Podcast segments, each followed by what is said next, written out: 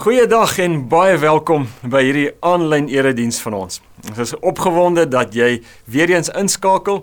As dit jou eerste keer is of as jy net wonder wie is KSM, dan is jy baie welkom om ons webtuiste te gaan besoek en daar sal jy al die inligting kry oor wie ons is, wat ons doen en hoe jy ook deel kan wees van hierdie uh wonderlike geloofsfamilie.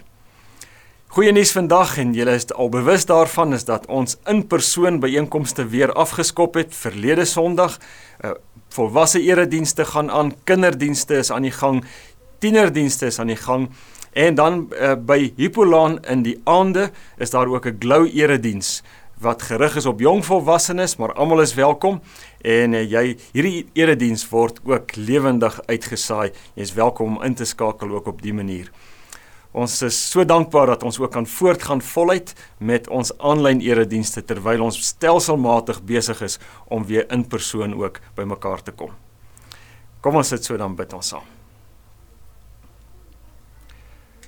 Goeie Vader, Here Jesus, Heilige Gees. In hierdie dag wil ons U eer en loof en aanbid as die een wat wat is wie u sê u is. Dankie Here Jesus dat dat Vader Heilige Gees dat u die een is wat doen wat u beloof. Dankie dat u die een is wat gee, wat sorg en wat naby is.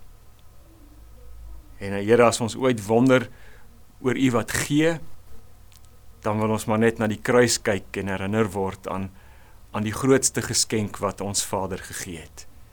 Jesus Christus ons Here wat in ons plek sy lewe kom gee het. En dan vandag Here as ons as ons so saam is in 'n in 'n in 'n krisistyd in ons land en in ons wêreld en in baie van ons se lewens. Dan wil ons nie vandag in die eerste plek bewus wees van hoe groot hierdie pandemie en hierdie krisisse is nie. Ons wil bewus wees van wie U is. Eerste plek, Here, gaan dit nie oor hoe sterk ons is, hoe bekwam ons is of hoe swak ons is nie. Dit gaan oor die in die eerste en die laaste plek oor wie U is. En daarom is dit ons gebed vandag dat U deur U Gees en deur U woord nie net vandag nie, maar elke dag vir ons beter en beter sal laat verstaan wie U is. Leer ons vanoggend ook, Here, bietjie beter wie U is. In die naam van Jesus. Amen. Ons is by die tweede tema vandag in ons nuwe reeks uh, bittersoet en uh, vandag gesels ons bietjie oor Elia en so een of twee episodes uit die lewe van Elia. En ons kry hierdie verhaal van Elia in 1 Konings. 1 Konings 18 uh en 1 Konings 19 gaan vandag by die twee gedeeltes stil staan, maar spesifiek by 1 Konings 19. So ek gaan daar lees vanaf vers 1 tot 4 en dan lees ons weer daarvan vers 9 af. 1 Konings 19 vers 1. Agab, dis die koning het vir Isebel vertel wat Elia alles gedoen het ook dat hy al die profete om die lewe gebring het. Toe het Isebel 'n boodskapper na Elia toe gestuur en vir hom gesê: "Mag die gode my om die lewe bring as ek nie môre teen hierdie tyd met jou gemaak het soos jy met die profete nie." Elia het bang geword en ter wille van sy lewe gevlug. Toe hy by Berseba in Juda kom, het hy sy slaaf daar agtergelaat. Hy self het egter 'n dagreis ver die woestyn ingegaan en daar het hy onder 'n besembos gaan sit en gewens hy gaan dood. Hy het gesê: "Nou is dit genoeg, Here. Neem my lewe, want ek is niks beter as my voorvaders nie." Dan weer vers 9. Hy het in 'n grot ingegaan, dis Elia, en in die nag in die nag het hy daar deurgebring. Toe die woord van die Here aan hom toe gekom en vir hom gesê: Wat maak jy hier, Elia? Hy antwoord toe: Ek het my met hart en siel gewy aan U saak, Here, almagtige God. Die Israeliete het die verbond met U verbreek. Hulle het U altare afgebreek en die profete doodgemaak net ek alleen het oorgebly en hulle soek my om ook my om die lewe te bring. Maar die Here sê vir hom: Kom uit en gaan staan op die berg voor my. Die Here, ek wil verbygaan. Skielik was daar 'n baie sterk wind wat die berg stikkend geruk en die rotse gebreek het voor die Here. Maar in die wind was die Here nie. Na die wind was daar 'n aardbewing, maar in die aardbewing was die Here nie. En na die aardbewing was daar 'n vuur, maar in die vuur was die Here nie. En na die vuur was daar 'n fluistering in die windstilte. Toe Elia dit hoor, het hy ges sy gesig met sy mantel toegemaak en by die bek van die grot gaan staan. Toe hoor hy 'n stem wat vir hom sê: "Wat maak jy hier, Elia?" Hierdie verhaal van Elia bestaan eintlik uit twee dele. Die een deel van Elia se verhaal is 'n soet gedeelte en die ander deel van sy verhaal is 'n bitter gedeelte. Maar soos wat 'n mens jou ingrawe in hierdie verhaal en kan gaan probeer verstaan wat hierdie verhaal regtig beteken, kom jy agter dat jy nie altyd so seker is of die bitter oomblikke regtig so bitter is en of die soet oomblikke regtig so soet is nie. So eintlik is Elia se verhaal soos baie van ons verhale en soos wat mens wees is 'n bittersoet verhaal. Hierdie verhaal begin waar Elia op die kruin van die golf hom bevind. Hy bevind hom by by 'n oorwinnende oomblik, 'n oomblik waar hy oorwinning op op 'n groot skaal beleef. Baie mense sê Elia is gebore vir hierdie oomblik. Party mense sê Elia se lewe lank is hy voorberei vir hierdie oomblik, hierdie oomblik van oorwinning. Want want want want Elia kry die wonderlike geleentheid om deel te wees, om 'n rolspeler te wees in 'n opspraakwekkende wonder wat God doen. Nou natuurlik is dit, soos ek reeds gesê het, 'n wonder wat God gedoen het. Maar vir Elia om sy rol te vervul in hierdie wonder, het van hom regtig moed gevra. Elia het daar gestaan voor die hele volk Israel Hy het ges, uit uit hom uitstelling ingeneem teenoor 800 afgodsdienaars. Hy staan man alleen teen hierdie 800 afgodsprofete, profete wat nog onder die beskerming was van die wrede koningin Isebel. So hy hy neem stelling in 'n man vol moed, 'n man wat wat regtig vertrou op die Here. En dan word hy deel van die wonderwerk wat God bewerkstellig. En kom kom ek herinner jou net gou wat hierdie wonderwerk behels het. Elia het by 'n plek gekom waar hy vir die volk Israel gesê het: "Julle kan nie so aangaan nie. Julle moet nou kies. En en die keuse wat julle moet maak is vir God, vir Jahwe, vir die ware God." En dan daag hy voor die hele volk, daag hy hierdie profete van die afgod van die afgode daag hy uit tot 'n tot 'n soort van 'n kompetisie. Hy sê vir hulle: "Bring julle 'n bul en om te offer." En dan sit julle hierdie bul van julle op die altaar en dan mag julle hom nie aan die brand steek nie. Dan moet julle wag vir julle gode om hierdie bul aan die brand te steek. En dan doen hulle dit. Hierdie profete plaas hier afgodsprofete plaas die bul op die altaar en dan roep hulle en dan sing hulle en dan dans hulle, maar niks gebeur nie. En naderhand dan spot Elia hulle en dan skreeu hulle harder en dan begin hulle hulle self naderhand met lemmetjies te sny soos wat hulle gewoonte was staan daar en maar niks gebeur nie. Daar's nie 'n vuurtjie nie, daar's nie 'n vonkie nie, daar's nie 'n rookie nie. Niks gebeur nie. En so gaan dit aan en dit gaan hou aan tot die aand. Niks gebeur nie. En dan besluit Elia, okay, dis nou genoeg en dan doen hy dieselfde. Dan plaas hy 'n bul op die altaar. Hy maak God se altaar reg. En en dan doen hy die vreemde ding. Hy dans nie en hy sing nie.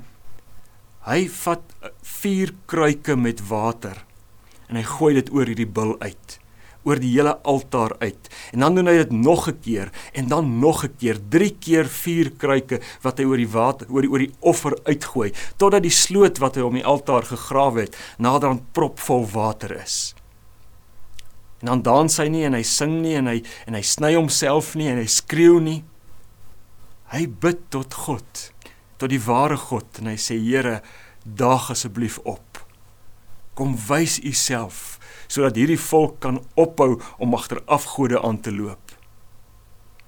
En dan dan gebeur hierdie en ek wil dit sommer lees want dit is so aangrypend wat hier gebeur. Vers 38 sê Toe kom daar 'n vuur van die Here af en dit verbrand die offer.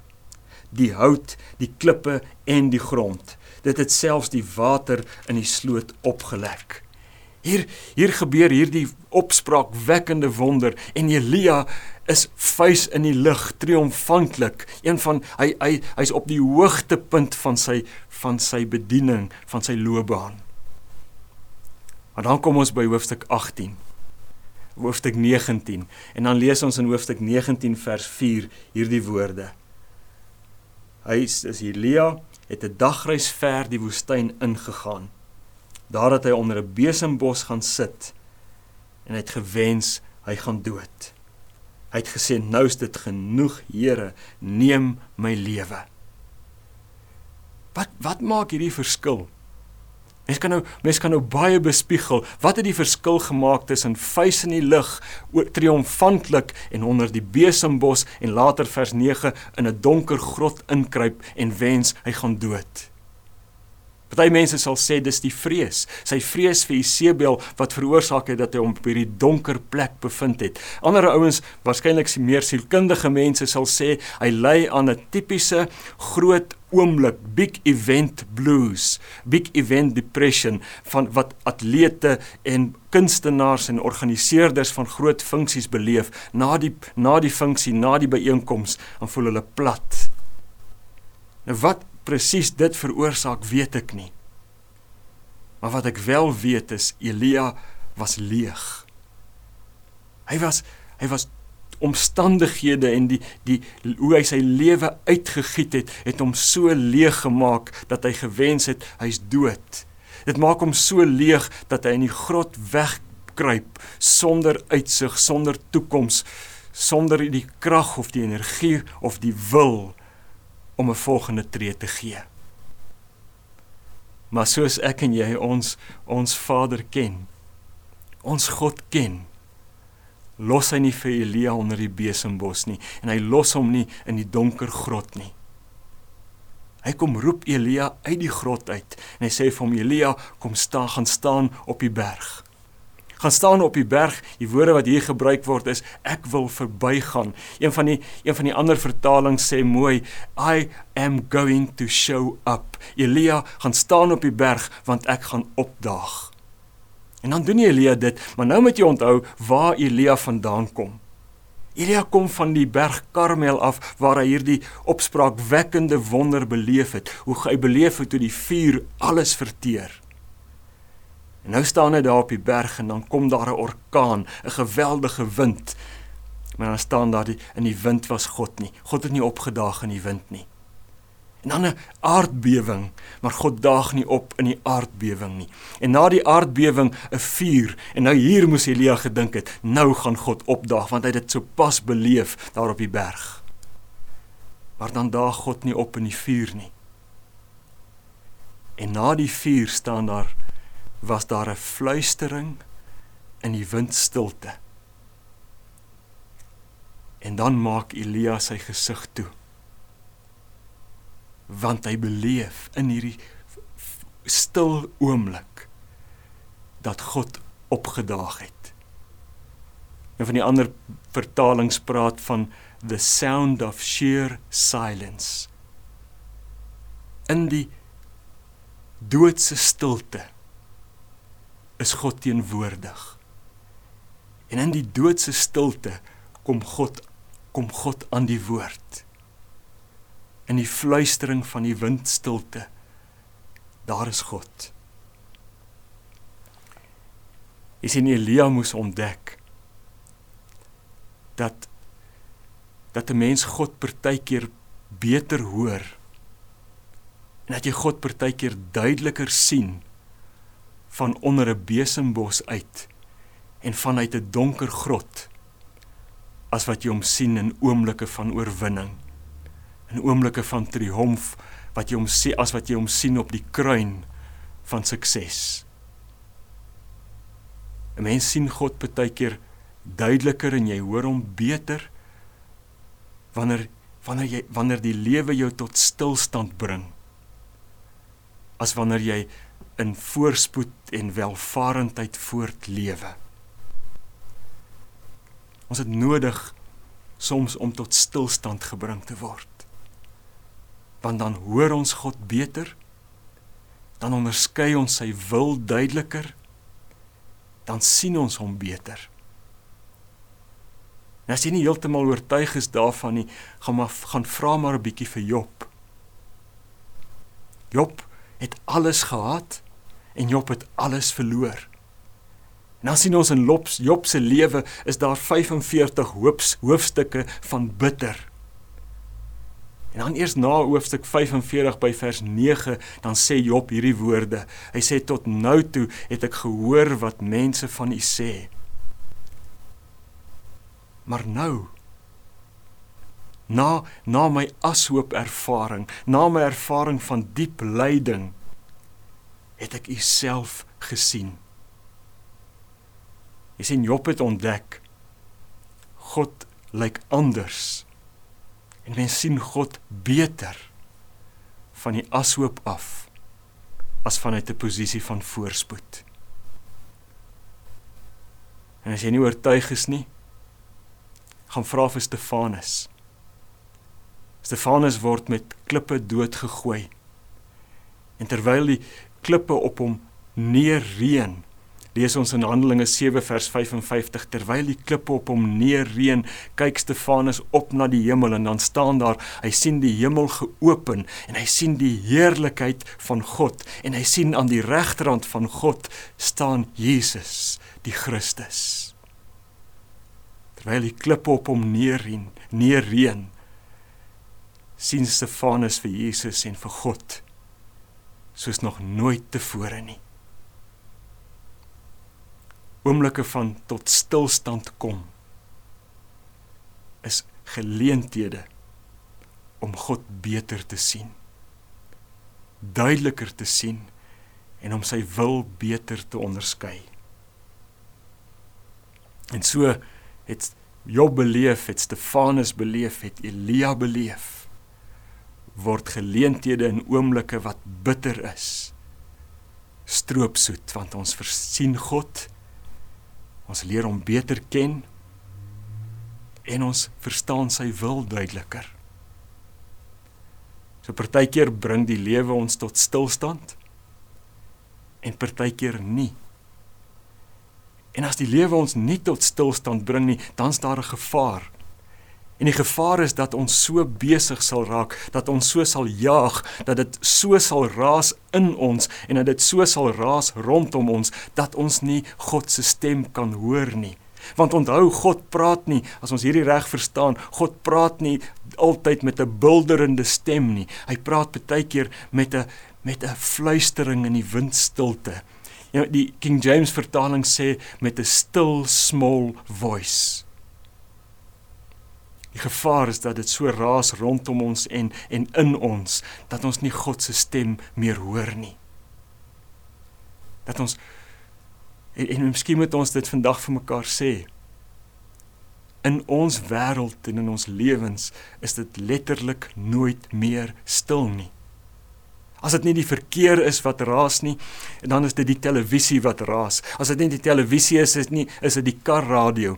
En en as dit nie die radio is nie, is dit uh, die duisende WhatsApp groepies waaraan ons behoort of die sosiale media posts waar waar waar ons elke ledige oomblik en elke stil oomblik vol prop met iets. Dis asof ons nie stilte kan verduur of kan verdra nie met elke oomblik volmaak, elke stil oomblik volmaak met iets. Geen wonder dat so baie mense sê ek hoor nie meer God se stem nie. Geen wonder dat baie mense sê ek het nog nie beleef of ek sukkel om te hoor dat God praat. En kan ek vandag vir jou op 'n diep persoonlike manier vra.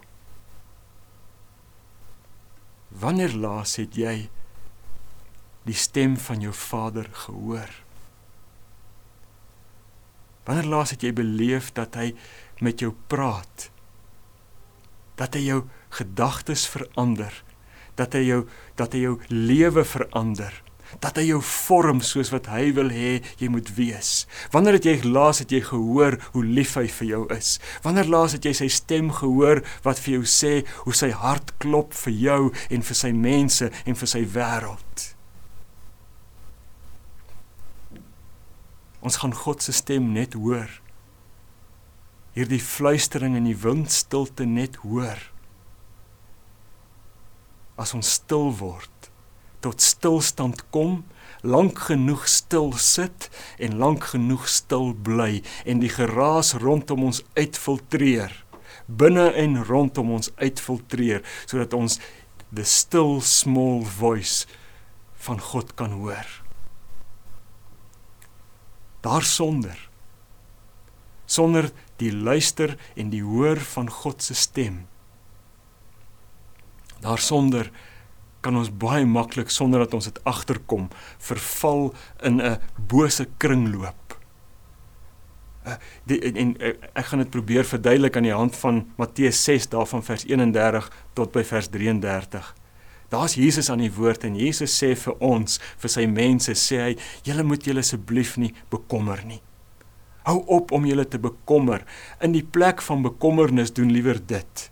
Dan sê Jesus, soek eerder soek liewer die koninkryk van God en soek die wil van God. Want wanneer jy die koninkryk soek, met ander woorde, wanneer jy God se koninkryksprioriteite vir jou lewe en vir die wêreld verstaan en wanneer jy God se wil verstaan, dan dan hoef jy nie angstig te wees nie. Dan hoef jy nie gejaag te wees nie. Dan hoef jy nie paniekerig te raak nie. Dan kan jy tot stilstand kom en dan kan jy regtig tevrede met tevredenheid lewe. Ek wonder hoeveel van ons lewe regtig met tevredenheid. En hier's nou die die kringloop as ons dit nie doen nie. As ons nie tot stilstand kom en luister nie.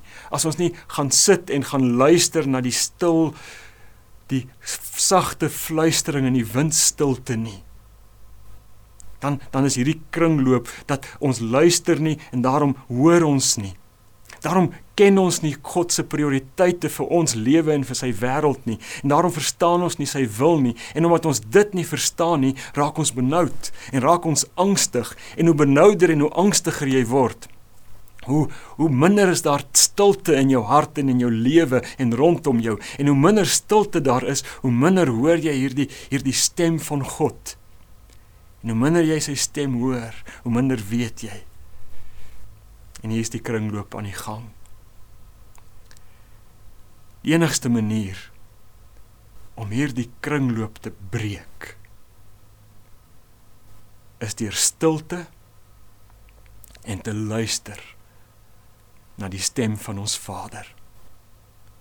Dis hoekom Jesus in sy lewe en in sy bediening hierdie ritme ingebou het, 'n ritme van afsonder en stil word en luister na die stem van sy Vader. So het Jesus sy bediening geloop. Hy het stil geword, hy het hom afgesonder, hy het geluister na die stem van sy Vader en dan het hy homself gaan gee. En dan het hy in sy bediening ingegaan en dan het hy teruggekom, hy het stil geword, hy het geluister, hy het gehoor en hy gaan lewe. As dit as dit Jesus se lewensritme was, hoeveel te meer het ek en jy dit nie nodig nie. Want in stilte hoor ons God se stem. In stilte hoor ons God se hart klop. Hoor ons die hartklop van ons Vader vir my, vir sy mense, vir sy wêreld. In stilte ontdek ek wie ek regtig is. Wanneer ek luister na die stem van my Vader, ontdek ek wie ek ten diepste is. In stilte word ek volgemaak. Ek word volgemaak deur God se waarheid. In stilte word ek waar ek stil sit en luister na die stem van my Vader, word ek volgemaak met die liefde van God. Word ek volgemaak deur die gees van God, sodat ek nie soos Elia onder 'n besembos lê, dol leeg en niks om te gee nie. Ek word volgemaak sodat ek die wêreld kan instap en myself kan gaan uitgiet soos Paulus dit so mooi sê as 'n as 'n offer vir die Here kan gaan uitgiet. God maak my vol sodat ek myself kan gaan ontledig. Mag dit jou belewenis wees in jou stil tye van die Vader, saam met die Vader. Dat jy sy stem daardie sagte fluistering in die windstilte so onvergeetlik sal hoor dat dit jou lewe sal verander. Amen.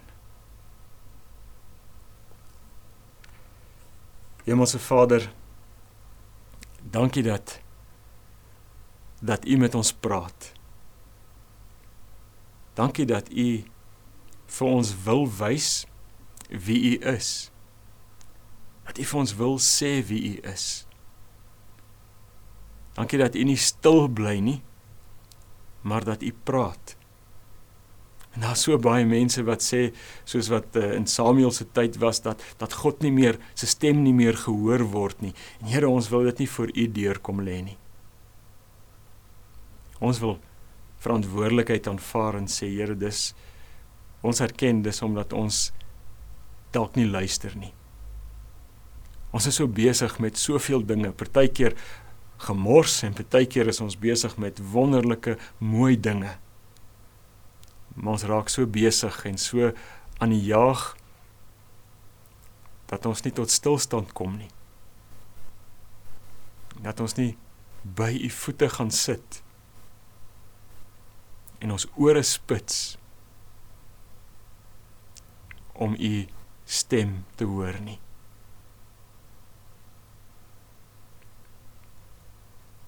Here kom bevry ons van ons gejaagdheid. Kom bevry ons van van hierdie ingesteldheid van ons dat alles van ons afhang. Om bevry ons om te luister na u stem. En dan daar volgens volgens wat u vir ons sê wie is en wat u wil is om dan daar volgens te gaan lewe. Ons erken ver oggend graag vandag graag dat ons van U afhanklik is. En dis 'n goeie ding om van U afhanklik te wees. Want U is die goeie Vader. U is die God wat tot alles in staat is. En U het ons lief met liefde wat nooit ophou nie. In Jesus se naam. Amen.